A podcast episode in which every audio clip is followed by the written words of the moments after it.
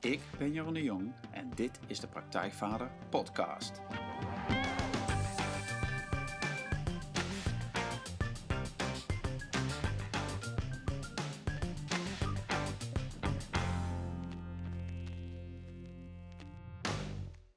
Welkom bij een nieuwe aflevering van de Praktijkvader Podcast. Jeroen hier, goed dat je luistert. En zoals elke aflevering interview ik een inspirerende gast die jou verder gaat helpen bij de volgende stap in je vaderschap.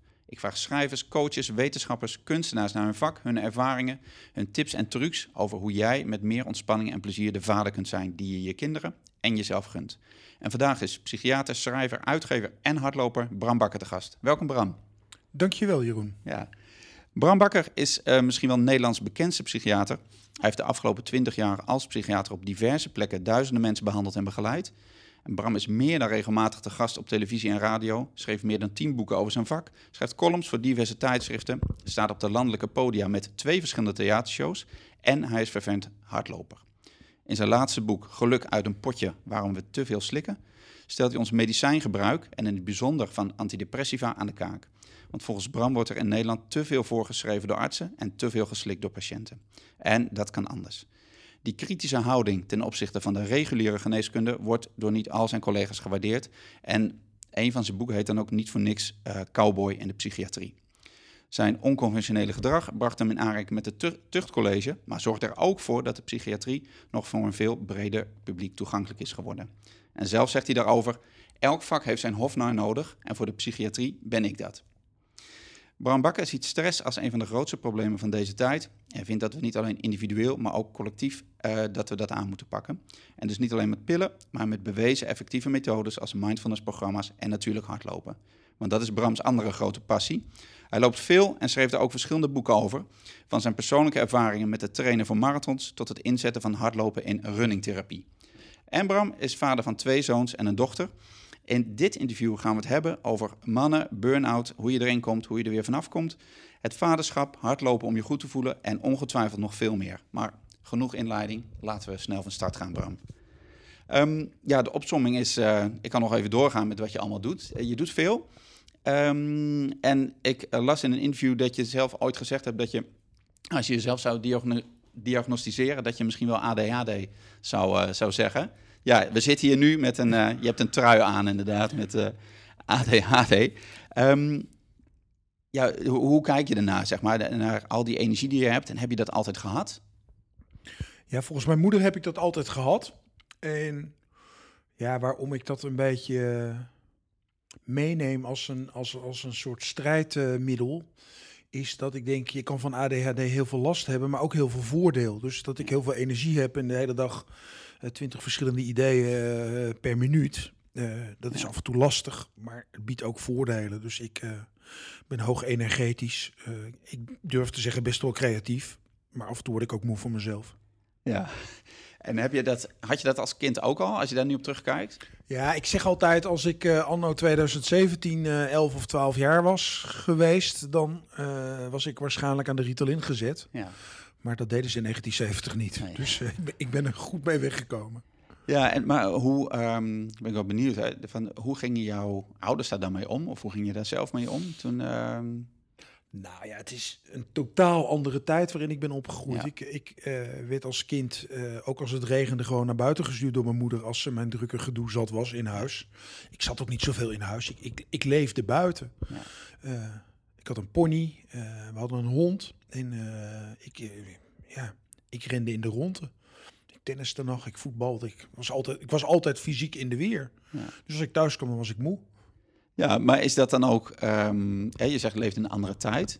Is dat dan ook wat jij, uh, wat jij ouders aanraadt nu, zeg maar? Als zij een kind hebben die, die, die ja, hoe noem je dat, verschijnsel of, of ADHD-achtige verschijnselen vertoont, zeg maar? Nou, mijn punt is dat heel veel kinderen die nu worden behandeld alsof ze een psychiatrische stoornis hebben, uh, 30, 40 jaar geleden heel anders werden behandeld. En helemaal niet als een patiëntje, maar gewoon als een, als, als een druk uh, ventje ja. of, of, een onrustig meisje. Ja. En dat ouders er energie in staken om dat kind te managen, om, om, die uh, nou ja, een uitlaatklep te bieden. En, en dat ging ook vanzelf en veel gemakkelijker, want er was niet iedere dag tv, ze hadden geen mobiele telefoon en ook geen PlayStation. Dus uh, het, het gedrag wat helpt om onrustige kinderen een beetje in toom te houden, dat lag voor het oprapen. En tegenwoordig moet je, ja, moet je dat geforceerd gaan zoeken. Ja. En, en, als, hè, en wat, wat, um, maar als die ouders bij jou komen, geef je dan dit soort advies van, van ga zoeken naar een uitlaatklep? Of, um, want het probleem is denk ik dat, dat ook veel ouders geen tijd hebben. Hè? Dus, eh, of, of gewoon niet aanwezig zijn of minder aanwezig zijn dan vroeger. Nou, ik had, een, ik had een buurman van mij die een hele leuke en betrokken vader was. Die had zo'n ventje waarvan iedereen wel begreep dat dat voldeed aan de criteria van ADHD. Ja. En hij zegt, ik ga net zo lang met hem buiten rondrennen en hem afmatten. Uh, tot het hanteerbaar wordt. En dat heeft hij ook gedaan. Het ventje heeft nooit een pil gehad. En dat begon, denk ik, toen ik hem leerde kennen, was, was het jongetje jaar of 7, 8. En inmiddels het jongetje jaar 14, 15. En hij is echt heel leuk opgedroogd. Zonder dat hij ooit heeft geslikt. Ja. En dat is dus een keus. Je kan zeggen, ja, ik roep professionele hulp in. Maar als professionele hulp bestaat uit het voorschrijven van medicamenten... Ja. dan mag je nou ook wel drie keer achter je oren krabben als ouder... of je, of, of je die verantwoordelijkheid wil nemen.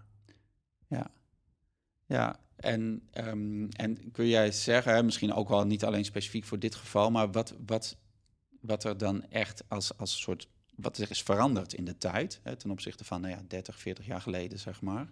Nou, de, de bandbreedte die wij onze kinderen toestaan is enorm afgenomen. Dus uh, een beetje anders zijn dan gemiddeld, dat wordt veel minder getolereerd. Dus uh, ik vind echt dat, nou ja, uh, kinderen heb je in alle soorten en maten en smaken. Om te beginnen, lijkt mij. Maar ze worden ongelooflijk in een keurslijf geperst door ouders, maar ook, ook door dokters. En ook in het onderwijs. In het onderwijs gebeuren verschrikkelijke dingen, vind ik. Met, met de kinderen die echt alleen maar op cognitieve prestaties, hè, dus rekenen en taal worden geïnstrueerd en getoetst. En waar het leukste onderdeel van kind zijn, namelijk spelen en uh, dom om je heen uh, kijken en uh, over een schoolplein dwarrelen, ja, die, die worden met uitsterven bedreigd. Dus ja. daar gaat iets heel erg mis. Ja, ja en maar waarom is dat dan? Hè? Waarom doen wij zo moeilijk of waarom doen we zo anders? Of waarom leggen we die lat zo hoog? Hè? De, misschien ook wel voor onszelf, maar ook naar de kinderen toe. Nou, we leven in een extreem normatieve samenleving. En ik, ik ben helemaal niet tegen normen. Maar de vraag is natuurlijk wel of wij alle, niet alleen de regels, maar ook, ook alle ongeschreven wetten die we onszelf opleggen, maar die we ook onze kinderen opleggen, of, of we die nou echt nodig hebben, of, of dat we daar gelukkiger van worden. Ik, ik weet eigenlijk zeker dat we er niet gelukkiger van worden. Want noem er eens één, wat denk je dan aan als je zegt van die ongeschreven regels? Nou ja, eh, tegenwoordig heeft iedereen een stoornis. Hè? Je, moet, je moet je voorstellen dat die, die, die DSM-5 die wij in de psychiatrie gebruiken, daar hebben ze eens uh, Amerikaanse middelbare scholieren uh, langs gehaald. En dan blijkt dat van alle 10 tot 20-jarigen 86% voldoet aan de criteria van een psychiatrische stoornis. Dus okay, dan is 14% van de teenagers is nog normaal. Kijk, dan kan je natuurlijk grappen over maken en zeggen, ja, zo gek zijn die Amerikanen. Maar wij gaan daar gewoon achteraan. Dus dat betekent dat wij bereid zijn om de kinderen, hè, de jongeren die nog geen twintig zijn, om die van psychiatrische etiketten te voorzien. En de vraag is, wat zit daarachter? Ik denk dat daar enorm onvermogen achter zit. En vooral pedagogisch onvermogen. En ik denk ook ongeduld en tijdgebrek. Ik denk dat ouders ook gewoon liever hun kind een pil geven. dan dat ze er tijd in stoppen. Want ze hebben het zelf heel erg druk. en ze hebben moeite om, om, om zelf de burn-out te voorkomen. En op die manier zie je eigenlijk kinderen slachtoffer worden van een manier van leven. waar die kinderen geen verantwoordelijkheid voor hebben. En wat is dan, hè, wat zou dan de eerste stap zijn hè, van, um, om, om daar een soort uit te komen, of een stap terug te doen, of ja, minder in die problematisering te zitten? Als, als ouders, hè, want ik herken het wel, want als je op het moment uh, met, je, met je baby voor het eerst bij het consultatiebureau komt, dan wordt er al gewogen. En dan zijn er ook al gemiddeldes en dan begint het eigenlijk al. Het consternatiebureau. Ja, het consternatiebureau. Ja, ja dus als, dan is er een lijn en als je kind dan eh, te ver boven het gemiddelde of, oh, nou ja, hè, dus die groeit en die zijn lengte en zijn gewicht. Maar daar begint het eigenlijk al. Ja, kijk, we hebben een cultuur waarin alles wordt afgemeten aan het gemiddelde. Terwijl er is natuurlijk niks leuker eigenlijk dan dat er mensen zijn die bovengemiddeld of beneden gemiddeld zijn. En volgens mij is de mensheid er ook beter van geworden dat er niet gemiddelde mensen waren. En we hebben af en toe last van iemand die heel erg buiten de bandbreedte vliegt. En daar moeten we dan wat mee. Ja. Eh, en da- daarom is het goed dat de psychiatrie bestaat. Ja. Maar we zijn daar echt enorm in doorgeschoten. We leven als kippen zonder kop. Ja. En we zijn daar eigenlijk niet, niet op aan te spreken. Kijk, toen ik jong was, mijn moeder die was fulltime huismoeder. Mhm. En vanwege emancipatieredenen vind ik het eigenlijk prima dat dat ook een vader kan zijn. En ik vind het ook goed dat, dat er door beide ouders evenveel wordt gewerkt. Maar om te beginnen was de situatie dus dat er één ouder 40 uur werkte. Nou, we zijn nu 40, 50 jaar verder. En wat is nu de situatie? Dat er twee ouders werken en samen in de meeste gezinnen veel meer dan 40 uur. Dus stel twee ouders werken allebei 32 uur. Niet uitzonderlijk in dit land. Dus dan wordt er 64 uur gewerkt door die ouders. Dus dat betekent eigenlijk dat die kinderen 24 uur ouder wordt onthouden. Dus dat betekent dat er gewoon 24 uur per week. En is, als je naar werkdagen kijkt, want het gaat over werkdagen, dat betekent dat er gemiddeld per dag vijf uur minder ouder is. Nou, dus dat is gewoon iets wat je die kinderen onthoudt. En dan ga je zeggen dat die kinderen gestoord zijn als ze zich een beetje bokkig gedragen of, of, of als ze moeilijk hanteerbaar zijn. Omdat je zelf veel te hard werkt en daardoor een kort lontje hebt en de tijd en energie die kinderen nou eenmaal vragen gewoon niet beschikbaar hebt. Nou, en dan wordt het kind aan het eind weggezet als gestoord, maar eigenlijk is die gewoon de dupe van de gekkigheid van die ouders. Laat die ouders gewoon weer eens 40 uur per week gaan werken met z'n tweeën. En dan moeten ze er even flink over debatteren wie dat doet en waarom. Maar dat zou de kinderen enorm ten goede komen. Ja, nou ja, dat is, dat is niet per se natuurlijk een eh, populaire opvatting. Hè, wat je zegt over, over emancipatie, maar gewoon, gewoon, werkende ouders. En eh, we leggen de lat hoog, dus we willen een bepaald inkomen verdienen, want we willen van alles. Maar jij zegt eigenlijk van nou, eh, lat omlaag, allebei 40 uur, of eh, samen 40 uur werken, dan is altijd één ouder thuis. En dat zou de oplossing zijn voor veel problemen. Nou, kijk, ik, ik snap heus wel dat het niet realiseerbaar is. Eh, en dat, dat, dat je dit niet bij wet morgen kan invoeren. Maar mijn punt is meer, denk hier nou eens over na. Weet je, ga nou eens gewoon bij jezelf te raden wat er aan de hand is als je dan woensdag papa-dag hebt. En je zet op woensdagmiddag je kind achter de PlayStation. En je gaat zelf de e-mails van je werk zitten beantwoorden. Dan is het geen papa-dag, dan is het een thuiswerkdag. Ja. En dan onthoud je ook je kind iets. Ik vind echt dat al die ouders die vrij hebben voor hun kinderen, alle apparaten uit en naar buiten. Maar je, je, zie- je ziet mannen en vrouwen met kinderwagens door artes rijden met aan één hand de bugaboo en in de andere hand de telefoon. En dan zeggen ze ja, ik ben met de kleine naar Artes geweest. Nee, ze zijn met de telefoon naar Artes geweest. Ze maken helemaal geen contact. Dus als je Artes ingaat, lever je telefoon bij de ingang in. Weet je, eh, gooi hem in een kluisje. En durf eens even onbereikbaar te zijn. En je, hoeft, je hoeft toch niet te twitteren over de leeuwen als je daar met je zoontje van staat te genieten. Kom op, doe even normaal. Ja, ja dat, is, dat is waar we in terecht zijn gekomen inderdaad, met z'n allen. We zijn Ja, echt zo ja. gek geworden. En ik ook hoor. Ik ben geen haar beter. Ik heb, ik heb nu een app eh, die mijn screentime registreert. En ik zit ook gruwelijk veel op dat ding. En veel te veel. En daar moet ook wat aan gebeuren. Maar ik vind wel, als je dat dan vaststelt... Pak dan ook je verantwoordelijkheid. Weet je, ik heb nu gewoon een limiet gezet aan hoeveel ik per dag op dat scherm kan. Ja, En ik moet er even aan wennen. Maar ik weet zeker, het levert me ook tijd op. Maar dan gaat hij uit. Dan, eh, als je te veel die app die regelt. Dat Nou, je hebt een fantastische app en dan kan ik tussen 11 uur 's avonds en 7 uur 's ochtends kan ik gewoon niet meer op dat scherm. Nou, dat is fantastisch, want tussen 11 uur 's avonds en 7 uur 's ochtends moet ik eigenlijk gewoon slapen. Ja. Als ik toch wakker ben, nou, dan ga ik een krantje lezen of een tijdschrift of een boek. Heel ouderwets, maar ook leuk. Ja, mooi. Oké, dus minder, eh, minder achter de mobiel. Nou, ik moest denken, want ik zag pas een, een filmpje, was volgens een Deens filmpje waarin ehm, baby's reageren op de, de ouder die is met de telefoon bezig. De baby zit daarnaast, zeg maar. En nou ja, die, die ouder die blijft, dat is het experiment, die moet veel naar de telefoon kijken. Baby gaat aandacht trekken, want die wil aandacht, zeg maar. En ouder reageert er niet op, zeg maar, maar die moet steeds meer, die baby moet steeds meer uit de kast halen. Om die Ja, ouder bij die stress. telefoon weg te halen. Ja, ja, precies. En ah, dat is wel wat je, wat je zegt. Dat is, dat is wat we nu doen met z'n allen. Nou ja, kijk, we, we- als, als we het over verslaving hebben, dan gaat het over alcohol en drugs. Overigens weet iedereen dat een dronken vader dat hij niet goed op zijn kinderen let. Dus eh, drink niet Ja. waar je kinderen bij zijn en zeker niet te veel. Ja. Maar een telefoon heeft hetzelfde effect op een ouder als alcohol. Want het trekt namelijk jouw aandacht bij het kind weg. Ja. Dus dat betekent eigenlijk dat je je ouderlijke taken minder goed vervult Ja.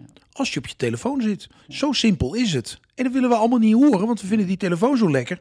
Maar we zijn gewoon verslaafd aan het, aan het kleren ding. Maar kun je dat, kun je dat op eenzelfde lijn eh, zetten, zeg maar? Die telefoon, ja, de verslaving of, en, en alcoholverslaving of... Nou In, in, in het psychiatrische stickerboek zijn de gedragsverslavingen niet erkend. Dus je kan verslaafd zijn aan middelen. Je kan niet verslaafd zijn in gedrag. Behalve gokken. Nou, gokken is dan erkend. Ja, Maar geloof me, de gokverslaafde en de telefoonverslaafde en de pornoverslaafde, om er nog eens één te noemen, die hebben allemaal last van hetzelfde. Namelijk, ze kunnen niet stoppen met iets waarvan ze weten dat ze er niet van opknappen, dat dat ze centjes kost en dat het ten koste gaat van hun werk en hun dierbaren. Dus serieuze problematiek. ja. Ja, dan is het dus ook vrij mak eh, moeilijk, denk ik, om daar dan... eh, jij zegt zo'n app, maar om daar dan ook eh, een draai aan te geven. Om daar zelf de verantwoordelijkheid in te nemen en dan te zeggen van ik ga het minder doen. Omdat, hè, omdat het verslavings en er waarschijnlijk allemaal dingen met dopamine die worden aangemaakt in je hersenen. Dus je krijgt die beloning, die krijg je wel op de een of andere manier.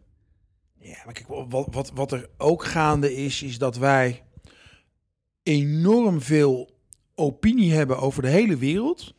Maar dat onze bereidheid en ons vermogen om naar onszelf te kijken aanmerkelijk aan het afnemen is. Dus ehm, vrouwen die gaan na twintig jaar scheiden van een man en dan zeggen ze ineens, ja, mijn ex is een narcist. Denk ik, ja, maar jij bent er toch twintig jaar mee getrouwd geweest.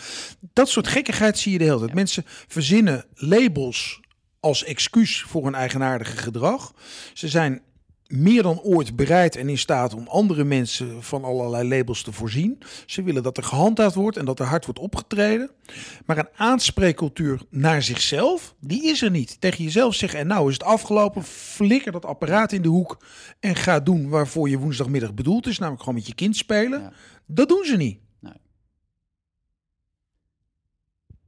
En dat begint, hè, jij zegt, hè, het begint met, met denk eens goed na, of kijk eens naar wat je doet, zeg maar. En dan, ja, wat, de eerste stap zetten, zo'n app installeren, of wat, wat is dat eh, een eerste stap? Over Nee, hebben met die- iemand anders? Kijk, de eerste stap is altijd in iedere, in iedere probleemsituatie je eigen aandeel pakken. Ja. En ook al is jouw eigen aandeel 1%, pak dan die ene procent. Kijk, eh, waarom, waarom mislukken relatietherapieën bijna altijd? Omdat de voorwaarden voor een succesvolle relatietherapie, namelijk we hebben allebei evenveel schuld en we kijken allebei naar ons eigen aandeel, dan kan je aan de slag. Maar de meeste relatietherapieën gaan over, ja, maar jij ging vreemd.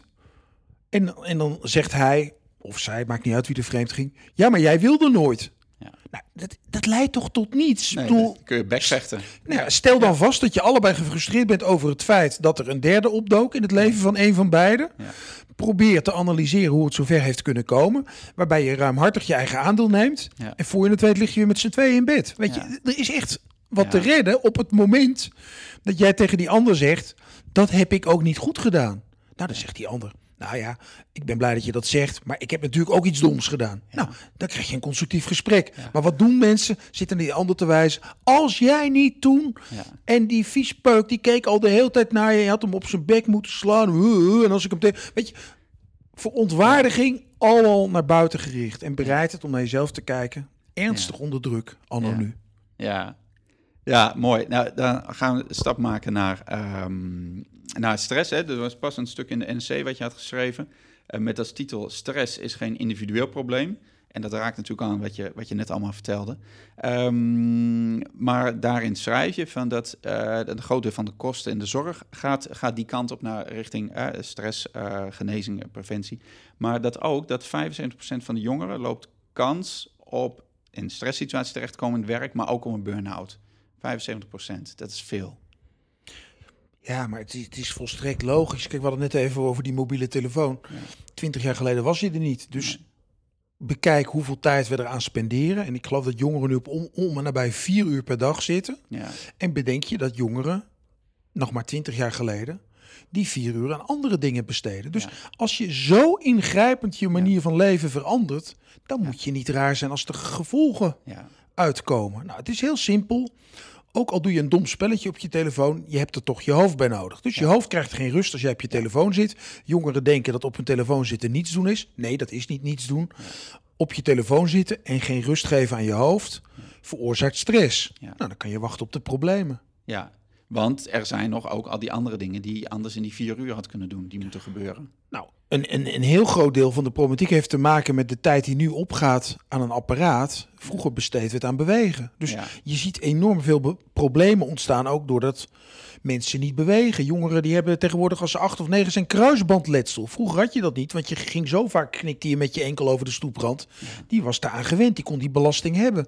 Maar ons hele fysieke apparaat wordt door jongeren niet of nauwelijks gebruikt. Ze gaan, ze gaan misschien één of twee keer in de week nog een, een, een potje voetballen. En dat is het dan. En dat is te weinig. Ja. Want je, onze lieve Heer heeft ons gemaakt om te bewegen. We hadden ook niks te eten vroeger als we niet bewogen. En je ziet ook dat kinderen om te beginnen houden van rondrennen. Dat doen, dat doen ze ook. Hè. Als ze twee of drie zijn, Ja. dan rennen ze gewoon rond. En in no time houden ze daarmee op. Omdat ze verleid worden door een apparaat. Wat door luie ouders aan ze is verstrekt.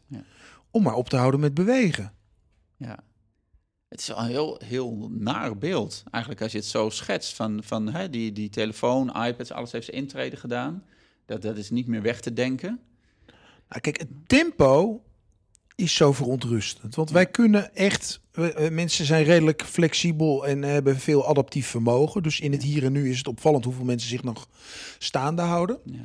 Maar om echt aan deze leefwijze zoals we die nu hebben gewend te raken, dat duurt volgens evolutiebiologen vijf generaties. Dus dat betekent over 100, 150 jaar Ja. kunnen we een beetje vanzelf leven zoals we nu doen. Maar Ja. weet je hoeveel mensen er dan al zijn omgevallen? Ja. We zijn in 20 jaar gemiddeld één uur minder per nacht gaan slapen. Dan kun je zeggen, ja, een uurtje minder, dat kan toch wel? Nee hoor, dat heeft een enorme impact. Ja. Bovendien, stel je voor dat we nog even zo doorgaan. Dan slapen we nu 7 uur, over 20 jaar nog 6 uur, over 40 jaar nog 5 uur. Ja. Nou, dan, dan gaan er gewoon mensen dood als ze zo weinig slapen. Dan volgen er ernstige lichamelijke problemen, omdat slaap vereist is om te functioneren. Ja. Ja, nou, dat is, eh, dat is zo serieus. Ehm, ehm, Nou maar- ja, weet je, het is. ehm, wat zo raar is, is dat mensen zo. Ja, wel lijken te willen nadenken over het probleem van de CO2-uitstoot. Dat ondertussen iedereen van rechts tot links zegt, nou, daar moeten we zo niet mee doorgaan. Ja. Want eh, dat dat ijs smelt, dat is echt waarschijnlijk geen goed plan. Dus er is nu een soort urgentie Ja. om de CO2-uitstoot een beetje gaan aan te pakken. Maar het ontbreekt echt enorm aan Ja. urgentie om ons lichamelijk en geestelijk welbevinden wat serieuzer te nemen. Dus mensen leven echt als kippen zonder kop of als koppen zonder kip. Maar eh, het, het, grote geheel is echt zoek. Ja, en wat is daarvoor nodig? Omdat om die. Kan dat? Dat die urgentie op een gegeven moment gewoon ontstaat? Ja, natuurlijk kan dat. Maar wat is daarvoor nodig volgens jou? Van dat we dat gaan snappen? Dat, eh, Nou dat ja, op, niet- op, individueel niveau is dat niks meer of minder dan de bereidheid hebben om op een gegeven moment even overal de stekker uit te trekken. Dus offline te gaan Ja. en dom voor je uit te staren. Ja, Je, je moet de, oud-Hollandse begrippen lummelen, ja, pierenwaaien, lanterfanten, die, die, die moeten Ja. herwaardering behoeven die. ja. Ja, dus het is weer gewoon tijd. Gewoon loze tijd. Een rondje wandelen. Of nou ja, weet je, gewoon even. Het schijnt dat wij nog 13 minuten per etmaal niks doen. 13 minuten. En dan tel ik het slapen natuurlijk niet mee. Nee, Maar van de ja. tijd die we wakker zijn, doen we nog Bewust 13 minuten niks. Ja. Ja, dat is niet veel. Dus de Nee, rest van de tijd is helemaal volgepland. Kijk, kijk wat er gebeurt op het station en bij de tramhalte. Als, als iem- iemand staat te wachten op een trein of een bus, Ja. dan pakt hij zijn telefoon. Ja. Dat betekent dat hij niet om zich heen kijkt, dat hij zich niet verbindt met de mensen die naast hem staan. Ja. Maar dat betekent ook dat hij eigenlijk de mogelijkheid om associatief hè, iets te laten Ja. gebeuren. Dus. Je, je ziet iets en daar reageer je op. Dat, daar sluit je helemaal vanaf. Mensen die jaren in de tram zitten met hun telefoon en de telefoon wordt afgepakt, die zeggen: Goh, ik ontdek ineens daar is een nieuw gebouw en daar is iets afgebroken. Omdat ze niet eens meer kijken waar ze Ja. zich bevinden. Ja. Ja, het is idioot. Het is eigenlijk idioot. Maar dit, ja, we doen het allemaal. Ja, nou ja, dat, ja. Hey, en en ehm, om nou even stap naar volwassenen te maken. Van, eh, in de trainingen die ik geef voor vaders, kom ik ook af en toe mannen tegen die ook stress, burn-out zitten. Eh, die zijn zo, nou ja, die hebben kinderen, zijn tussen de 30 en de 50 zo'n beetje. Wat kun je doen of zelf? ehm, wat zijn de eerste signalen? Misschien is dat het eerste. Hè, wat zijn de eerste signalen die je bij jezelf kunt vaststellen als je denkt van, nou, dit gaat toch, eh, ja, dit gaat niet helemaal lekker. Nou, ik, ik zou hem nog één stap terug willen nemen. Ik zou eigenlijk willen bepleiten dat iedereen niet stuurt op alarmsignalen, maar dat iedereen de verantwoordelijkheid neemt om zichzelf Ja. in de ontspanningsmodus te zetten. Dat kan je heel makkelijk doen. Dan moet je drie keer per dag tien minuten een ademhalingsoefening doen. Ja, Dat is natuurlijk geen interessant product, want ademhalingsoefeningen die kosten niks. nee. Maar iedereen knapt er enorm van op door gewoon drie keer per dag 10 minuten rustig uitblazen en weer een nieuwe teug. En dan gaat je hartslag omlaag en dan gaat je bloeddruk omlaag en dan kom je uit je piekermodus. Dus om te beginnen zou je dat gewoon eens moeten doen. Maar gewoon in- en uitademen, zeg jij. Rustig. Nou, ja, als je relaxed bent, dan kan je met zes of zeven keer ademen per minuut toe. De meeste mensen zitten rond de 15, dus die zitten eigenlijk te hyperventileren Ja, zonder dat ze zich dat bewust zijn. Maar als je zit te hyperventileren, dan maak je ook stresshormoon aan. Als je stresshormoon aanmaakt, dan maakt dat de kans op burn-out, depressie en angst sowieso al heel veel groter. Maar mensen realiseren zich ook niet dat de productie van stresshormoon leidt tot veel voorkomende dingen als dat je je niet kan concentreren of dat je dingen vergeet. En hoeveel mensen ja, merken niet dagelijks dat ze dingen vergeten omdat ze te veel aan hun hoofd hebben. En dan Ja. zegt ze ja, ik heb het te druk. Maar dit is ook gewoon fysiologie. Er zit ook gewoon een stresshormoon ja. wat verhoogd is, waardoor je dingen vergeet. Dus Ja. op het moment dat jij vergeetachtig merkt dat je vergeetachtigheid toeneemt, Ja. dan is er maar één way out. En dat is zorgen voor voldoende ontspanning. Want als je fit bent en je brein is uitgerust, dan functioneert het veel effectiever. Dan slaat het de informatie wel op. Ja, en dat begint met zoiets eenvoudigs als wat jij zegt, drie keer per dag 10 minuten ademhalen. Ja, wat je, wat je kan doen, is je kan er echt je kan er iets leuks van maken. Eh, koop een hartslagmetertje. Dat kost tegenwoordig nog 30 euro bij de Aldi en de Lidl. Eh, doe het hartslagmetertje om en ga eens kijken op wat je hartslag is. Ga eens rustig ademen en kijk eens wat er met je hartslag gebeurt. Dan zul je namelijk zien dat als je ontspant, dan gaat je hartslag Ja. omlaag. Mensen die in een burn-out zitten of dreigen terecht te komen, die hebben in rust een veel hogere hartslag dan mensen waar het goed mee gaat. Dat komt niet door de conditie, maar dat komt door de stress. Door stress gaat je hartslag omhoog. Ja. Dus ga naar jezelf eens trainen om die hartslag omlaag te krijgen. Dan kun je heel goed oefenen. Ja. Dus je gaat op een stoel zitten met een hartslagmeter om en je doet een ademhalingsoefening. En probeer eens zo laag mogelijk te komen. En ik zit, weet je, nu zit ik druk met jou te praten. Mijn hartslag is nu waarschijnlijk ook 80. Ja, Maar als wij nu stoppen Ja. En ik doe mijn oefeningetje, want ik ben getraind, hè, ik doe hem drie keer per dag, dan zit ik binnen een minuut onder de 50. ja, Zo goed kun je het Ja. trainen. En dat is helemaal geen talent van mij, dat is gewoon het gevolg van veel trainen. Wat train je dan? Rust en ontspanning. Ja. Zo simpel. ja, en dat is een kwestie van doen.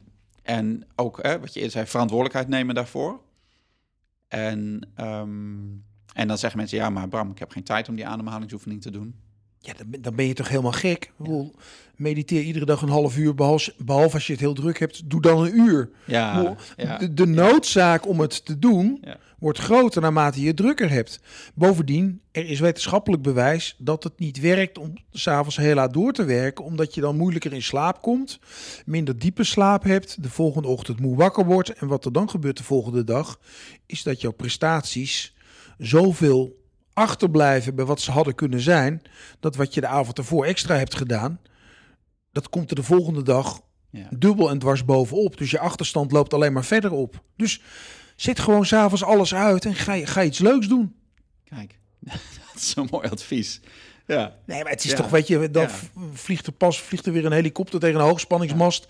En dan heb je negen maanden later heb je geboortepiek. Weet, Ja. je, weet je hoe leuk dat is, seks? En dan moet je dus eerst zorgen dat de stroom uitvalt en dan gaan mensen dat ineens weer doen. Ja. Dat is toch bizar? Ja, nou ja, je hebt dat vast ook gelezen. Het is een onderzoek dat, dat ook jongeren eh, later eh, met seks aan de gang gaan, zeg maar. Omdat ze, nou ja, waarschijnlijk te- te- zich niet meer vervelen. Nee, maar de, de, de, eh, de, in, de inzet is op het niveau van dat ze liever een arm missen dan hun mobiele telefoon. Ja. Zo erg is het. Ja. Ja. En, ehm, en even terug naar die mannen. Wat zijn, eh, wat, jij hebt ook heel veel mensen gezien en, en, en behandeld en begeleid. En, maar wat, hè, als die mannen van die rond de 40, die, die, die werken, kinderen hebben, zeg maar, wat, wat, zijn, wat zijn de typische dingen die jij, die jij ziet, zeg maar, die vaak voorkomen? Nou, ik, ik, eh, ik, ik vind om te beginnen dat mannen en vrouwen veel meer op elkaar lijken. Eh, dan dat ze van elkaar verschillen. Maar dat, dat is natuurlijk geen nieuws. Dus je eh, wordt doodgeslagen met verschillen tussen mannen en vrouwen. Ja. En er zijn ook wel wat verschillen. En wat, wat ik waarneem, en dat heeft ook weer met die drukte te maken, is dat mannen iets makkelijker bij hun, of iets minder makkelijk bij hun gevoel komen. En in de drukte hoeft dat ook niet. En wat ik mannen zou gunnen, is dat ze wat beter voelen. En daar zijn we weer, daar heb je meer tijd voor nodig. En ja, veel van die jongens zoals jij en ik, die dan op een dag vastlopen, hebben vooral niet goed gevoeld. En vrouwen zijn daar iets handiger in. Hè. De vrouwen gaan ook veel vaker naar psychologen en psychiaters. En dat heeft aan de ene kant misschien te maken met het feit dat ze vaker psychische klachten hebben. Maar het heeft zeker ook te maken met dat ze dat serieuzer nemen en dat ze zich het beter bewust zijn. Ja.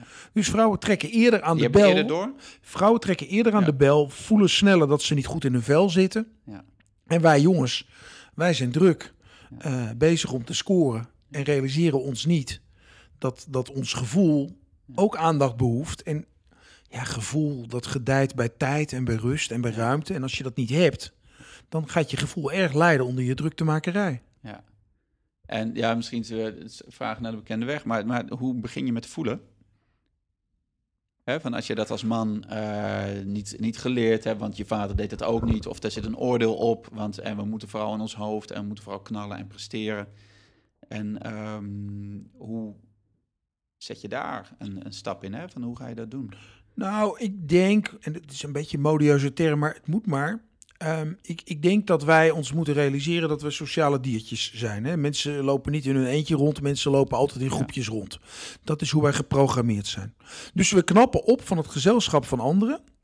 En ik denk dat het je verbinden met anderen, wat, wat niet met technologie gaat, maar met gewoon aan een tafel zitten en een gesprek hebben, zoals wij nu doen, dat dat echt het aller, allerbelangrijkste is. En dat wij mannen, misschien meer nog dan vrouwen, hoewel dat ook voor vrouwen geldt, weer terug moeten naar alle apparaten uit en een gesprek. En het, weet je, het mag in de kroeg, het mag met een biertje erbij, het kan op de bank thuis, maar dat je echt contact maakt. Ja. Je kan ook samen gaan sporten, dat is ook prima, maar dat je dingen met elkaar onderneemt. En wat je ook ziet is als mensen dingen samen doen, dan komen er gesprekken. Dan ga je reflecteren op het leven. Waarom vindt het mannen het zo leuk om met elkaar naar een eh, marathon toe te trainen? Dan gaan ze heel veel trainen. Terwijl ze door het bos rennen, zeggen ze ja, mijn- vrouw die wil niet meer. Of eh, ik, eh, ik ben bang dat ze een andere heeft. Of weet je, dan gaan ze hun zorgen delen. Nou, op mijn werk, ik heb een conflict met mijn leidinggevende.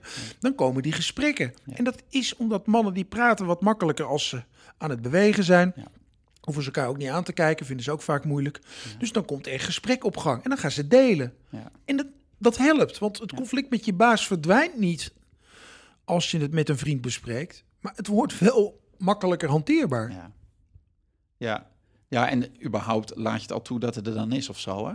Plaats van dat je het heel... Nee, je, moet, je, moet er, je moet erkennen dat het er is. En Ja. eh, weet je, problemen horen bij het leven. We claimen natuurlijk allemaal dat ons leven perfect is. En dat moet ook van Facebook. Want je moet niet op Facebook zetten dat het niet goed met je gaat. Want dan ben je flauw, dan ben je spelbreker. Ja. Je moet laten zien hoe goed het met je gaat. Dat, dat is altijd de message. Ja. Maar om je een beetje te handhaven, heb je ook mensen nodig met wie je kan delen dat het niet altijd Ja. even goed gaat. Dat je af en toe je kind achter het behang wil plakken, Ja.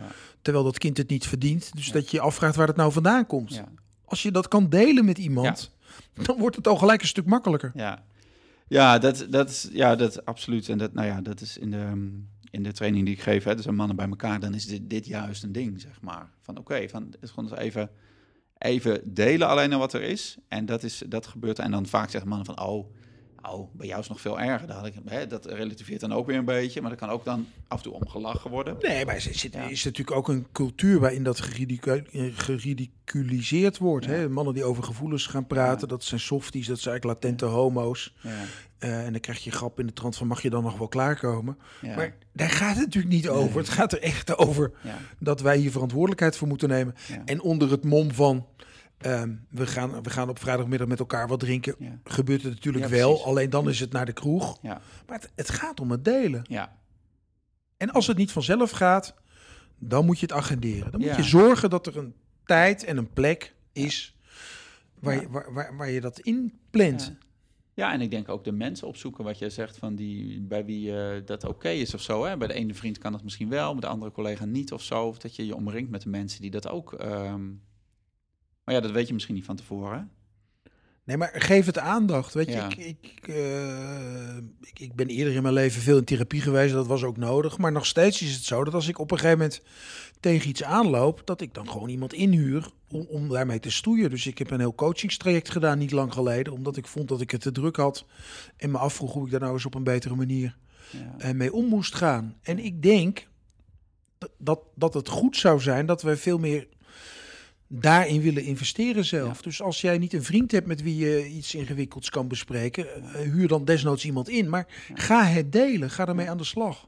Wat is wel interessant wat je zegt, want je hebt natuurlijk zelf heel veel ervaring. Je begeleidt ook heel veel mensen. Ehm, wat is dan wat jij bij, zo'n, eh, bij iemand anders, hè, coach, therapeut, eh, wat, wat haal jij daar dan? Wat levert dat jou op?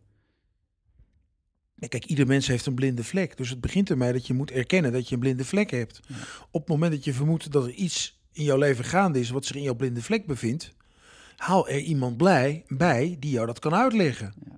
Want een, een blinde vlek is niet een vast gegeven. Hè? We hebben allemaal waarschijnlijk blinde vlekken eh, 10, 20 jaar geleden gehad die we nu niet meer hebben, omdat we geleerd hebben Ja. hè, om, daar, om daar rekening mee te houden. Er zijn genoeg mensen die een kort lontje hebben, maar die weten ik heb een kort lontje, dus ik moet dat en dat niet doen. Ja.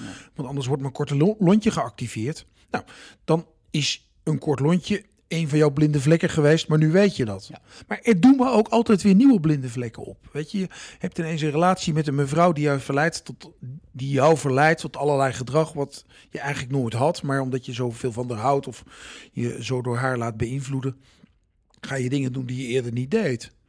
En merk je misschien zelf helemaal niet, tot op een bepaald moment iemand tegen jou zegt: joh, wat doe jij raar? Of eh, wat, Ja. wat is er aan de hand? Of je bent veranderd. Nou, geef het dan aandacht. Ja. Ja, ja mooi. Hey, ik wil nog even terug naar... ehm, ja, ja, twee dingen. Ehm, ik ben benieuwd van... Eh, doen we deze eerst. Ehm, je had het net over verslavingen. En je had het ook even kort over, over internetporno. En dat is een... een of eh, internetverslaving, maar internetporno is een ding waar heel veel mannen mee, mee eh, zitten. Ja. En de cijfers zijn, eh, nou ja, die zijn, zijn gigantisch. Nou, de cijfers zijn onbetrouwbaar, omdat het natuurlijk een enorm taboe onderwerp Ja. is. Precies, maar, hè, dus, dus, maar heel veel mannen ehm, zijn ermee bezig, willen dat niet. Ehm, en je hebt net al gezegd, een gedragsverslaving, daar heb je iets over gezegd. Ehm, heb je daar specifieke tips voor of manieren om daarmee om te gaan of dat te erkennen? Of, Nou, kijk, jij zegt heel veel mannen zijn ermee bezig. Heel veel mannen zijn met porno bezig. En ik ben bang dat heel veel mannen er niet mee bezig zijn. Wat dat betekent, waar, Ja. dat, waar dat voor staat. Dus wat, wat er gebeurt is, huwelijken gaan kapot door porno. Want als jij, je weet ik hoe vaak hebt afgetrokken... en je ligt s'avonds met je vrouw in bed... dan komt die gewoon niet meer omhoog, punt. Dus die vrouw denkt, wat is hier aan de hand? En die fantaseert dat jij het met een collega doet. Dat is helemaal, dat is helemaal niet gaande.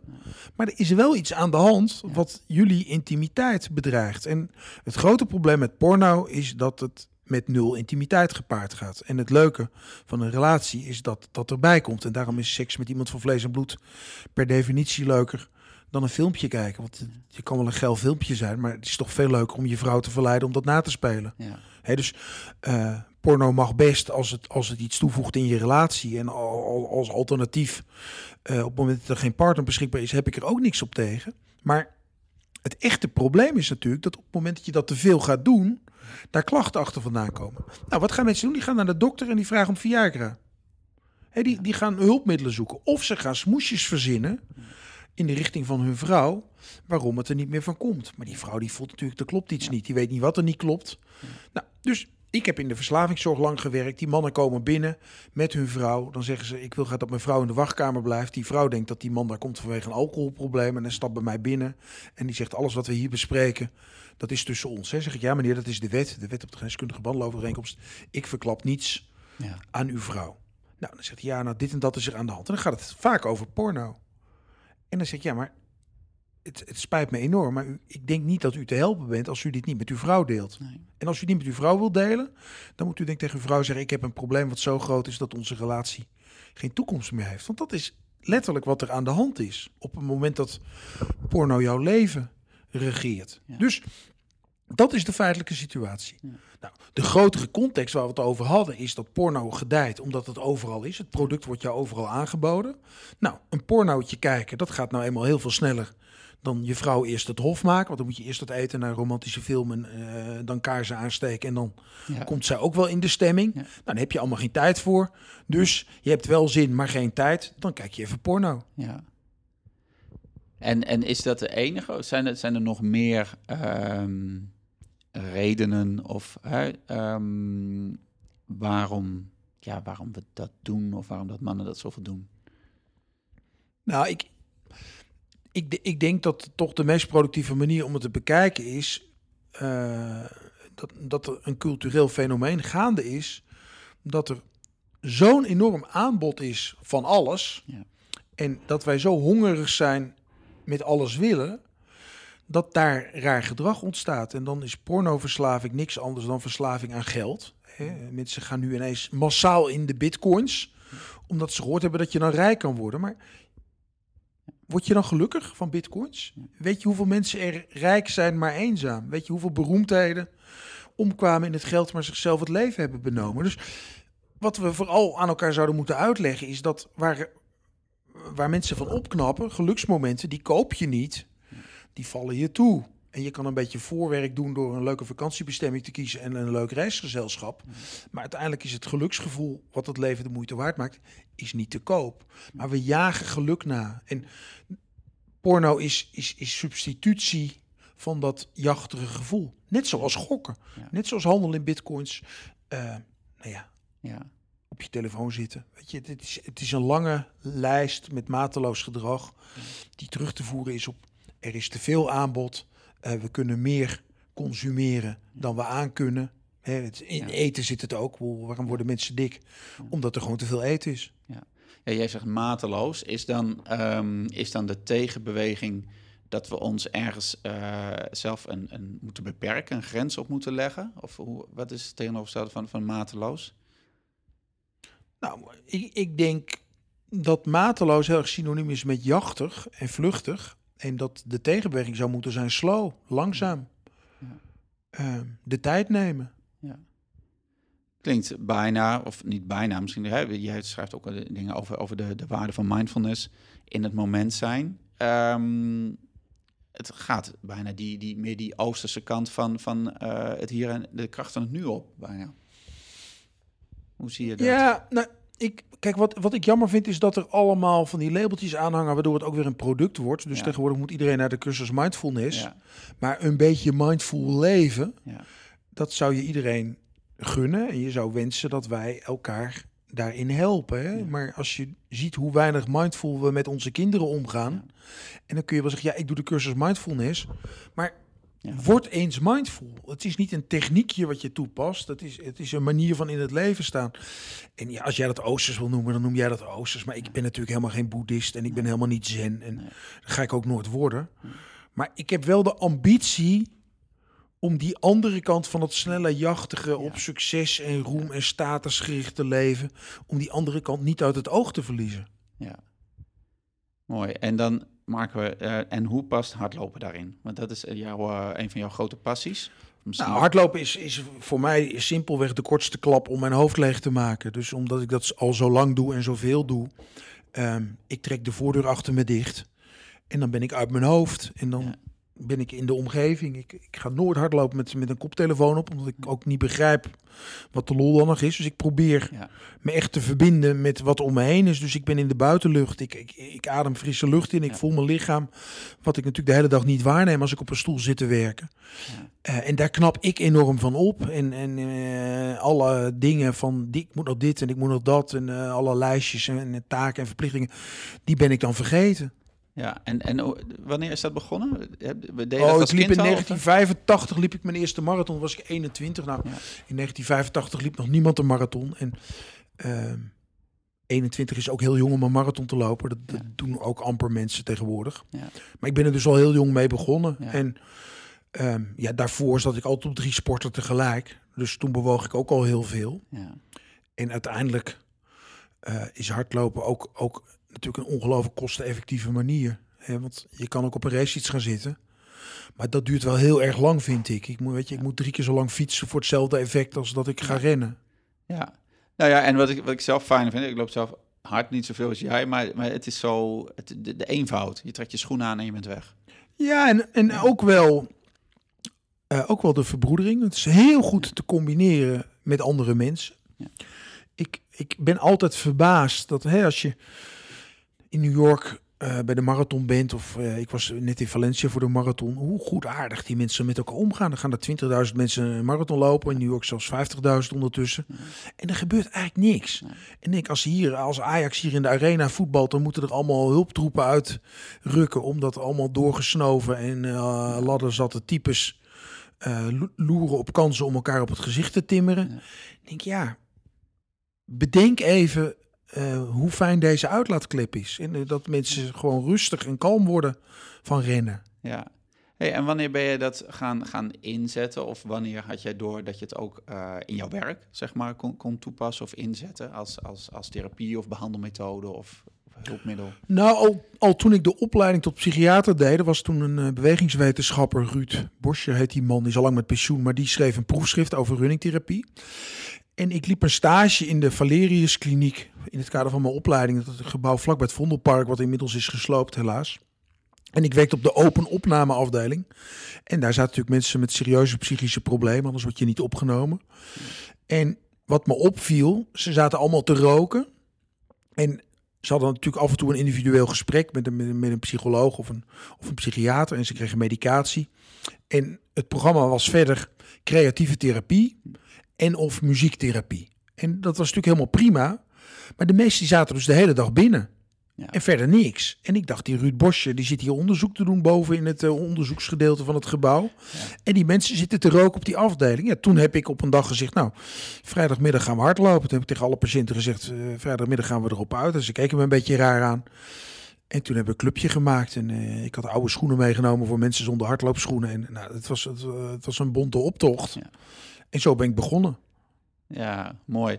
En, ehm, en, en hoe, hoe bied je dat nu aan, zeg maar, hè? in jouw, hè, wat je nu, het werk wat je doet, of, eh, hoe, hoe zet je dat in? in de, adviseer je mensen van, nou, eh, ga eerst eens hardlopen voordat je, ehm, weet ik wel, aan de medicatie gaat? Of hoe doe je dat? Hoe ziet dat eruit? Nou, kijk, in, in, in dit bedrijf, hè, Citaag is mijn bedrijf, ehm, komen mensen met psychische klachten voor een, diagnos, eh, voor een diagnose, voor diagnostiek en een behandeladvies. En een diagnose is meer dan een labeltje met criteria. Hè. We hebben de DSM en dan worden dan de diagnoses, die- worden in getalletjes ingevoerd in de computer. En de zorgverzekeraar be- bepaalt ook welke vergoeding je krijgt voor het behandelen van de DSM-diagnose. Maar waar we het natuurlijk steeds al over hebben, is dat er een rare leefstijl onder het ontstaan van die klachten zit. En voor de diagnose is het niet nodig om naar de leefstijl te kijken. Maar wij doen dat hier wel. Dus iedereen die hier komt, en veel hebben een burn-out. We zien veel mensen die verzuimen van hun werk. Dus die worden door een bedrijfsarts of door de HR-afdeling deze kant op gestuurd. Kijken we ook met die mensen naar hoe bewaken ze de balans in hun leven. Nou, mensen die burn-out raken hebben per definitie geen balans. Nou, het terugvinden van balans is voor de meeste mensen, omdat wij allemaal hoofdwerkers zijn geworden, het terugvinden van de balans is meer met je lichaam, minder met je hoofd. Ja. Ja, dat is hardlopen. Ja. En, en eh, hoe, hoe bied je ze dat aan? En mensen die nog die, die, eh, die, die moe zijn, of toch een burn-out, of, eh, en sowieso nog nooit gesport hebben, of, of heel lang niet gesport hebben, of nog nooit hard gelopen hebben. Wat, hoe pak je dat aan? Wat, wat bied je ze aan? Nou, ik doe al tien jaar lang, eh, verzorg ik met een, eh, met een bevriende fysiotherapeut een opleiding runningtherapie. Dus dan kunnen mensen gewoon een, een, een cursus volgen van maar drie dagen. Ja. Waarin ze echt alle elementen die van belang zijn leren. En, en ook de theorie erachter. Ja. En dan kunnen ze aan de slag. Dus we leiden veel mensen op. En dat zijn fysiotherapeuten, dat zijn in toenemende mate ook psychologen, psychiatrische verpleegkundigen, mensen die in de gevangenis werken. Dus dat publiek is heel divers. Het zijn ook eigenaren van hardloopwinkels bijvoorbeeld. Dus Ja. ondernemers die ontdekken, hé, er zijn mensen die zijn geïnteresseerd om te gaan bewegen, Ja. maar die weten niet hoe ze het moeten aanpakken. Ja. Nou, als je gaat hardlopen, dan moet je dat vooral niet met een app doen. Dan moet je dat vooral met iemand doen die dat een beetje begeleidt. Dus dat gaat allemaal vanuit het gevoel. En in feite, zoals je de cursus mindfulness doet, zo kan je ook de cursus runningtherapie doen. Ja. Dus je laat je begeleiden door iemand die dat kan. En wij leiden die mensen op. En ja, we, we proberen daar school in te maken. Ja. Dus eh, we hebben honderden mensen opgeleid. En overal in Nederland kun je runningtherapeuten vinden. Ja, De volgende stap is natuurlijk dat de zorgverzekeraars het moeten gaan vergoeden. ja, Maar ja, zo zijn we daarmee bezig. En ja, ik, ga- ik ga zelf ook met af en toe met iemand rennen. Of ik zeg tegen iemand, daar en daar zit iemand bij jou in de buurt, die kan dat heel goed doen. Ja. Dus ja, het is echt in het netwerk plaatsen van mensen die iets met hun leefstijl willen. ja. Dus, dus ja, je zegt, oké, ga zo'n ga zo'n cursus doen. Ehm, en als mensen die zitten te luisteren en die denken van, nou weet je, ik wil gewoon vanmiddag gelijk beginnen. Wat, ehm, wat zeg je dan? Nou, er is een website die heet Sportrusten, sportrusten.nl. Ja. Daar kun je een programma downloaden van 100 dagen, wat erop neerkomt dat je drie keer per week gaat sporten. Je mag ook gaan fietsen Ja. of hardlopen, maar duursport. Dat je iedere dag ademhalingsoefeningetjes gaat doen en dat je dat gewoon netjes registreert. Ja. Dus dat je heel truttig een sticker op een velletje plakt wat je aan de koelkast hangt, zodat je een check hebt dat je dat doet. Ja. En dat doe je 100 dagen en dan word je online gecoacht en je kan vragen stellen.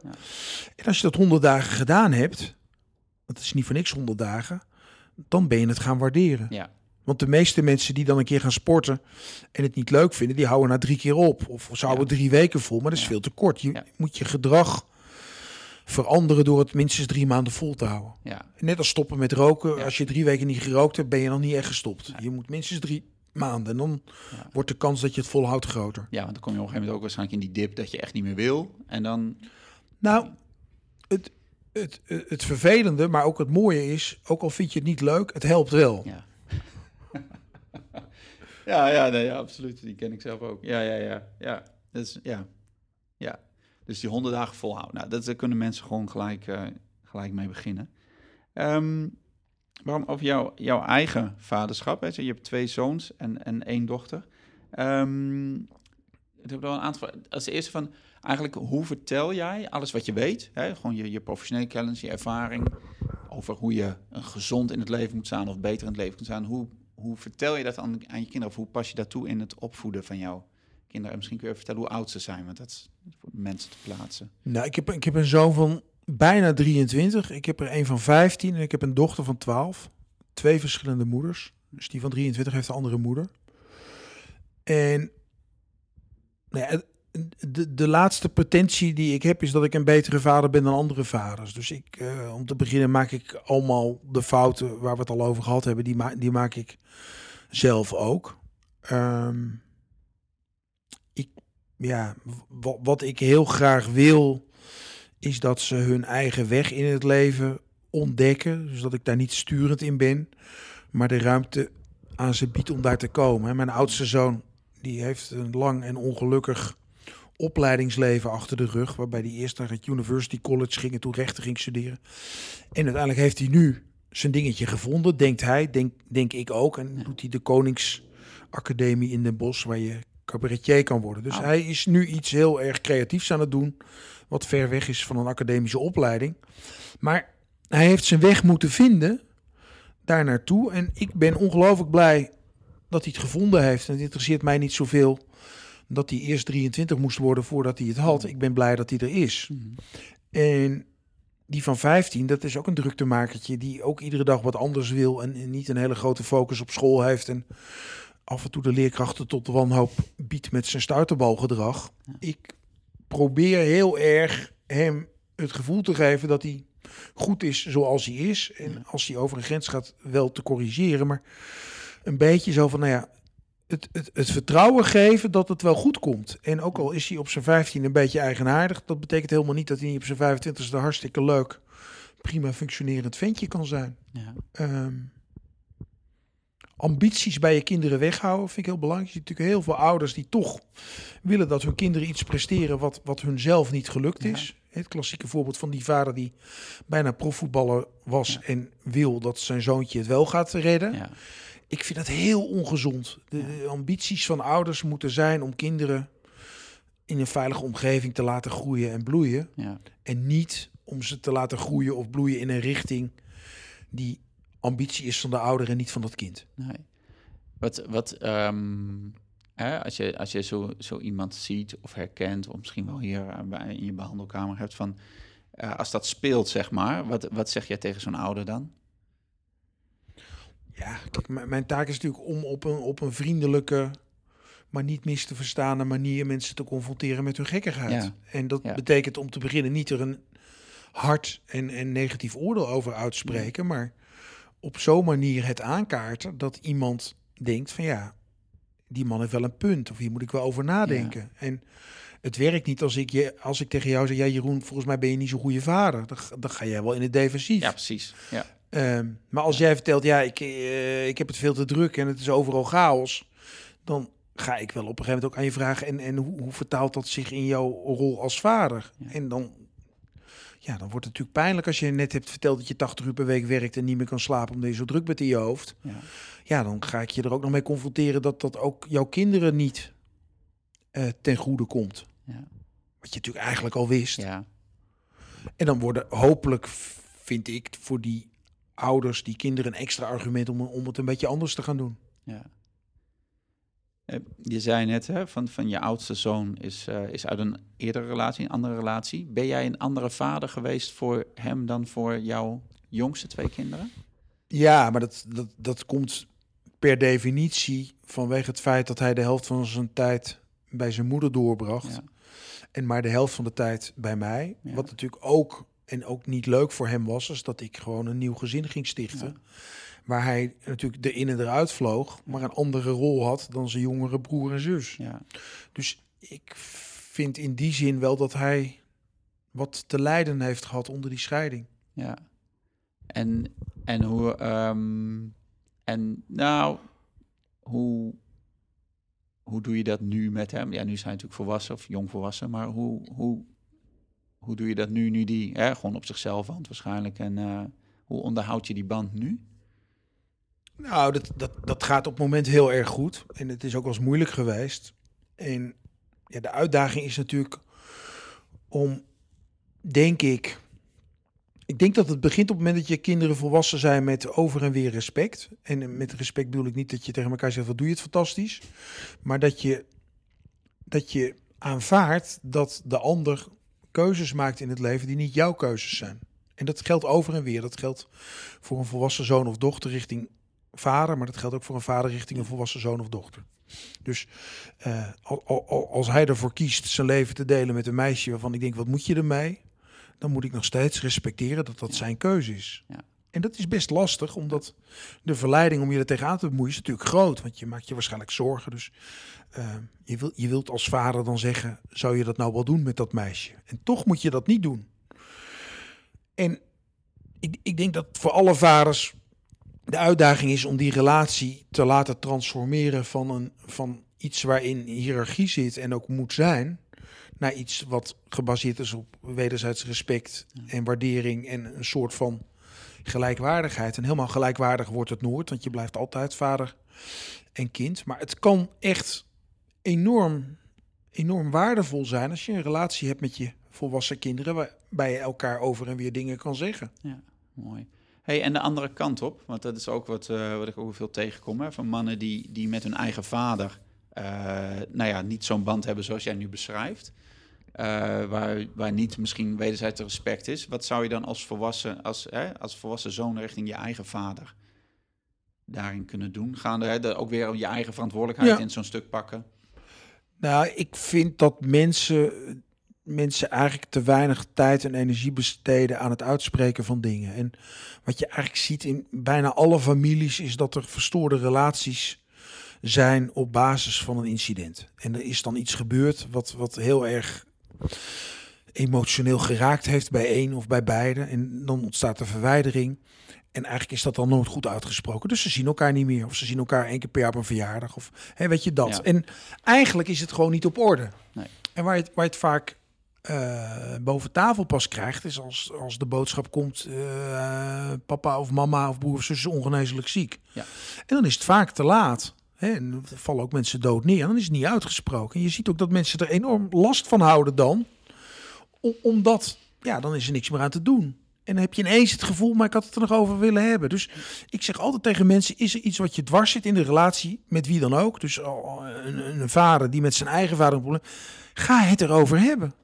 Ja. En dat is moeilijk, want je hebt waarschijnlijk niet een relatie met je vader... waarbij je het makkelijk over, over, over ingewikkelde dingen hebt.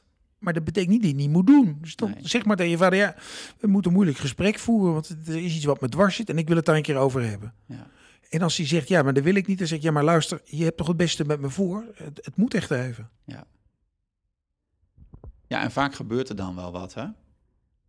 Dat- Nou ja, kijk, ja. uit- uiteindelijk zijn de meeste mensen natuurlijk eh, te fatsoenlijk om als iemand zijn emoties deelt, daar niet op een, Ja. op een respectvolle manier op te reageren. Ja. Hè, dus als, als ik met mijn vader iets moet delen wat mij emotioneert, dan is het heel raar eh, als, als mijn vader reageert met wat ben jij een aanstellerige klootzak. Ja. Dat, dat doet mijn vader ook helemaal niet, maar hè, bij, wijze, bij wijze van voorbeeld. Dus je moet ook erop durven vertrouwen dat mensen over het algemeen best redelijk reageren op het moment dat jij iets met ze deelt. En, en, en de angst om dingen te delen zit ons veel meer in de weg dan het delen zelf. Ja. ja, dus dat gaat om, om het voelen, ook weer het voelen hoe spannend het is en het dan toch gewoon maar te doen. Nou, je kan, en het is ook een kwestie van formuleren. Hè? Dus ik zeg ook al vaak tegen mensen, schrijf eerst eens een brief.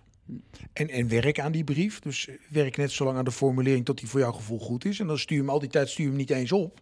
Maar ben je dus aan het formuleren wat je eigenlijk dwars zit in de relatie met iemand. Nou, op een dag staat het er goed. En dan kan je hem geven. Ja. Maar het kan ook zijn dat je door, door het schrijven aan dat verhaal voor jezelf een formulering hebt gevonden die gewoon iemand kan vertellen. Dus hoef je niet eens een brief te sturen. Kun je zeggen, nou ja, ik ben, er- ben ermee bezig geweest. Ik heb er dingen over opgeschreven. Dit is waar ik op uitkom. Ik heb me in die en die situatie zo en zo gevoeld. En geef een ik-boodschap en niet een jij-boodschap. Dus Ja. jij was altijd aan het werk. Ja, dat is een hele slechte tekst. Ja, Want dan wordt de reactie natuurlijk, ja, en dat was omdat jullie anders niet te eten hadden. Ja, nou, goed gesprek hoor. Nee, je moet zeggen, ik, ik heb je gemist als vader. Ik had, ik had graag meer met je gedeeld. Ik had graag meer met je gedaan. Ik herinner me de momenten dat we samen iets deden en hoe ik daarvan genoot. En ik vind het eigenlijk nog steeds jammer dat het niet vaker is gebeurd. Ja. We zijn toen één keer een voetballer geweest. En het was misschien wel de mooiste middag van mijn hele jeugd. En ik vind het eigenlijk zo jammer dat we niet vaker naar voetballen zijn geweest. Nou ja, de vader die daarop reageert met... Wat zei ik je nou man, wees blij met die ene keer dat we naar voetbal zijn geweest. Die bestaat helemaal niet, die vader. Nee. nee. Nee, dat is mooi. En dat raakt ook weer aan wat je net zei over relaties. Hè? Van, van niet in dat verwijt gaan zitten, maar je eigen aandeel daarin nemen. In dit geval uitspreken wat jij gemist hebt of graag had gewild. Nou ja, en- en, en bedenk ook even dat wat jij gemist hebt bij je eigen vader, dat, dat dat misschien ook wel zich doorvertaalt in de relatie die jij met je eigen kinderen hebt. Want jouw kinderen missen namelijk ook weer bij jou iets. Want kinderen missen altijd iets. En de perfecte vader bestaat niet en die gaat er ook niet komen. Het is wel goed om, om er met elkaar mee bezig te zijn. Van, eh, wat kan er beter? Of eh, ruimte te geven aan het gevoel van ik, ik wil meer dan er nu is. Hey, en als jij nou zelf terugkijkt, hè, 23 jaar geleden, jij werd voor het eerst vader. Stond daar misschien met zijn baby in je armen eh, voor het eerst. Als je nou terugkijkt naar dat moment, ehm, zou je jezelf nu, als dat zou kunnen, een tip of een advies of goede raad willen geven? Nou, kijk, wij, wij mannen hebben het voordeel dat we er lang over kunnen doen voordat we besluiten om vader te worden. En ik, ik ben echt een laadbloeier. Dus toen ik vader werd, toen was ik 31. Nu zeg ik, ik was er eigenlijk niet klaar voor. Ik had, kijk, had eigenlijk misschien nog wel tien jaar moeten wachten. En dan was ik, was ik tien jaar verder in mijn eigen ontwikkeling. En ik denk dat mijn zoon daarbij gebaat was. Bovendien was ik dan waarschijnlijk niet bij zijn moeder uitgekomen. Of had die relatie geen kind opgeleverd. Ja. Maar mijn ex was zes jaar ouder en die had al een zoon. Dus ik, ik was al stiefvader of pleegvader. Dus ik dacht, het moet maar. Maar ik was er eigenlijk niet aan toe. Nee. En nou ja, kijk, wij, wij bezwijken makkelijk voor een vrouw die zegt ik wil een kind van je, want dat, dat is romantisch en erotiserend. Eh, je denkt gelijk, dan gaan we het nu maken. Maar het is niet altijd verstandig. Ja, mooi. Ja, dus jij zegt, nou, ik had nog even kunnen wachten, misschien. Nou, het, ik, ik denk dat een wat oudere vader ook een wat rijpere vader is. En, en dat dat voordelen heeft. En er zijn natuurlijk wel allerlei argumenten waarom je dat niet moet doen. Want dan betekent dat als je 60 bent, dat je dan nog steeds niet eh, de kinderen de deur uit hebt. Maar dat stamt ook wel een beetje uit de tijd dat we allemaal met de fut gingen toen we 56 waren. Die tijd is ook voorbij. Dus als je dan Ja. toch al tot je 67 moet doorwerken. is misschien is het best wel leuk Ja. dat je kinderen de deur uitgaan op de dag dat jij met pensioen gaat. Ja. Heb je twee dingen tegelijk.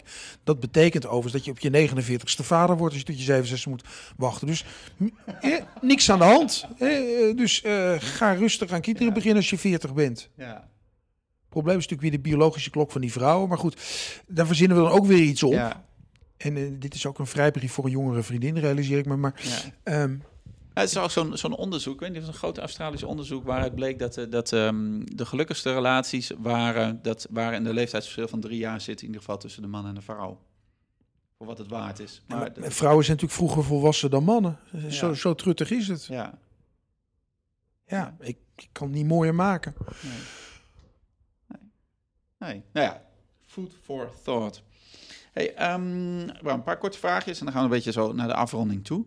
Eh, even helemaal even out of the box. Ehm, is er een boek wat jij vaak cadeau geeft aan, aan iemand, zeg maar? Een boek wat je aanraadt, een roman of een, iets anders? Nou, dat. Nou, ik, ik ben iemand die altijd boeken geeft. Ik heb niet voor niets een uitgeverij. Dus ik, Ja. ik deel de hele dag boeken uit. Ja, Maar dat, dat is echt wel afhankelijk van wie er tegenover me zit. Dus ik, ik, ehm, ik strooi met mijn eigen boeken natuurlijk als snoepgoed. In, in de zin van, eh, als jij zit te hyperventileren, zeg ik, ik, ik heb een heel leuk boek over ademhaling, moet je eens lezen. Daar kun je wat aan hebben. Maar ja, mijn geliefde is eh softbalster geweest. En er is een roman, die heet De Kunst van het Veldspel.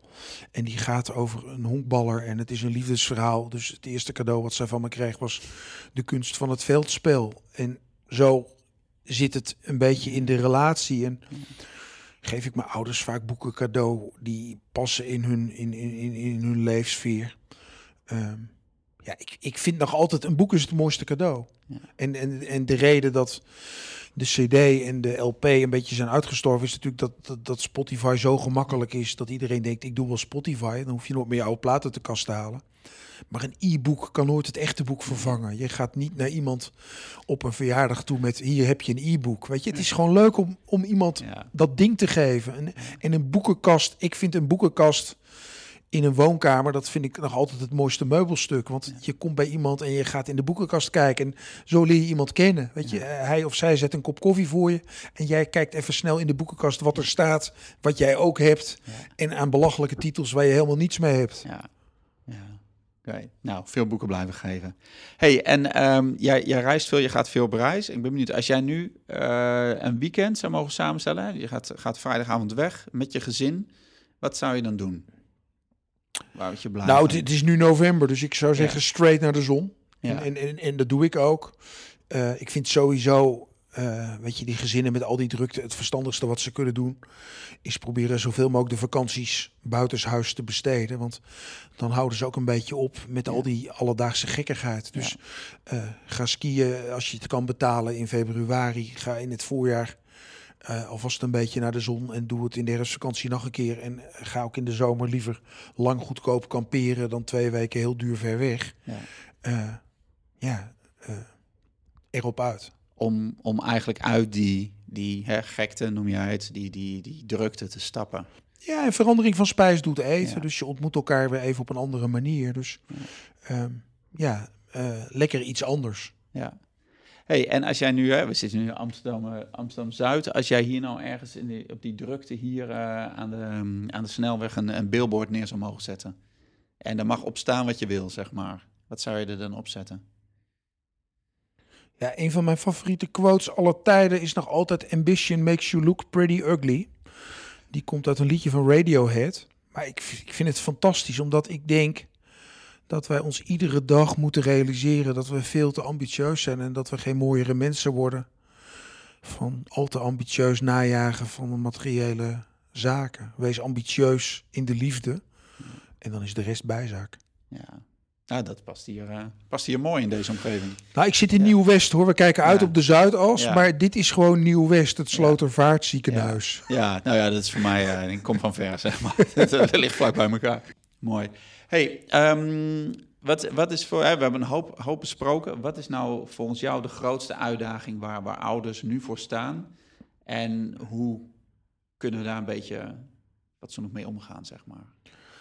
Nou, misschien moet je proberen weer een beetje zo'n ouder te worden als jouw ouders waren. En dan probeer je natuurlijk de nadelen of de tekortkomingen die ze hadden eruit te filteren. Maar bedenk even hoeveel tijd en aandacht jouw ouders in jou hebben gestopt. En probeer datzelfde met jouw eigen kinderen te doen. Ja. Nou, mooi. En hoe doe je dat zelf? Nou, ik denk, ik denk vaak aan mijn oma. Hè, want als je, als je alle leefstijladviezen in één zin moet, uh, moet vatten, dan is het toch proberen een beetje te leven zoals je oma dat deed. Ja. ja. En, het, en bevalt dat jou? Als je, op welke momenten krijg je dat voor elkaar? Van, uh, wanneer... Nou, ik moet, ik moet mezelf echt losscheuren af en toe van, van alle verplichtingen en activiteiten. Maar op het moment dat ik, dat ik los ben, dan knap ik daar enorm van op. En uh, niks doen is lekker. Offline zijn is, is fijn. Ja, mooi. Daar gaan we mee afsluiten. Offline zijn is fijn. Hey Bram, als mensen meer over jou willen lezen, uh, jouw boeken kunnen vinden, waar kunnen ze dan terecht? Ja, brambakker.com, de website. Brambakker.nl is een, NL is een graafbedrijf. Oh, oké. Okay, Heel grappig. Dus ik, heb, ik, ik heb die domeinnaam niet, maar ja. brambakker.com, daar staat, daar staat alle gekkigheid uh, die ik in de aanbieding heb. Oké, okay, en dan kunnen ze je vinden. Nou, Bram, mooi. Um, en, en, en of citagere.nl, want wat hier in okay. dit bedrijf gebeurt is, als het goed is, maatschappelijk relevant. Dus ja. uh, topje met burn-out, uh, overbelasting, depressie of angst, ja. uh, kom langs. Oké, okay, ik zet de linkjes ook op de website, dus komt helemaal goed. Bram, hartstikke bedankt voor het gesprek. Ja, ook Jeroen. En als je nu zit te luisteren, um, je kunt um, de linkjes naar dingen die, die Bram heeft genoemd, naar de website kun je terugvinden op de website. Dat is praktijkvader.nl slash podcast. Daar vind je deze aflevering terug en alle eerdere interviews uh, uit de podcast. Je kunt je ook uh, gratis abonneren via iTunes. En als je geen Apple-telefoon hebt, via Stitcher, dat is voor Android-toestellen. Dan krijg je een reminder als er een nieuwe aflevering online staat. En die kun je vinden. Maar je kunt ook gewoon via de website beluisteren. En dat is praktijkvader.nl podcast. Fijn dat je er bent, fijn dat je er was, fijn dat je geluisterd hebt. En ik hoor jou graag volgende keer. Heb het goed, doeg! Voordat je gaat, wil ik je nog even wijzen op het volgende. En dat gaat over Vurige Vrijdag. Hoe zou je het vinden om elke vrijdag een heel korte en uiteraard gratis mail van mij te ontvangen met daarin 5 tips die het leven met je kinderen een stuk leuker en moeitelozer zullen maken? Vurige Vrijdag is een korte mail met een dwarsdoorsnede van wat ik de afgelopen week ben tegengekomen op mijn reis door de wereld van bewust en betrokken vaderschap. Het kunnen inspirerende artikelen zijn, citaten, spullen die ik heb aangeschaft, films of boeken om zelf of met je kinderen te lezen en te kijken, tips voor een uitstapje, inzichten uit mijn trainingen, een korte oefening die je meteen thuis kunt uitproberen en nog veel meer. Zie het als een instant inspiratieshot net voordat je weekend begint. Veel mannen willen graag concrete en praktische tips. Nou, hier heb je ze. Ga naar www.praktijkvader.nl slash vurige-vrijdag voor een eerste indruk en meld je daar meteen aan voor je wekelijkse vader inspiratieshot. Dus www.praktijkvader.nl schuine-vurige-vrijdag. Heb het goed! Thank you.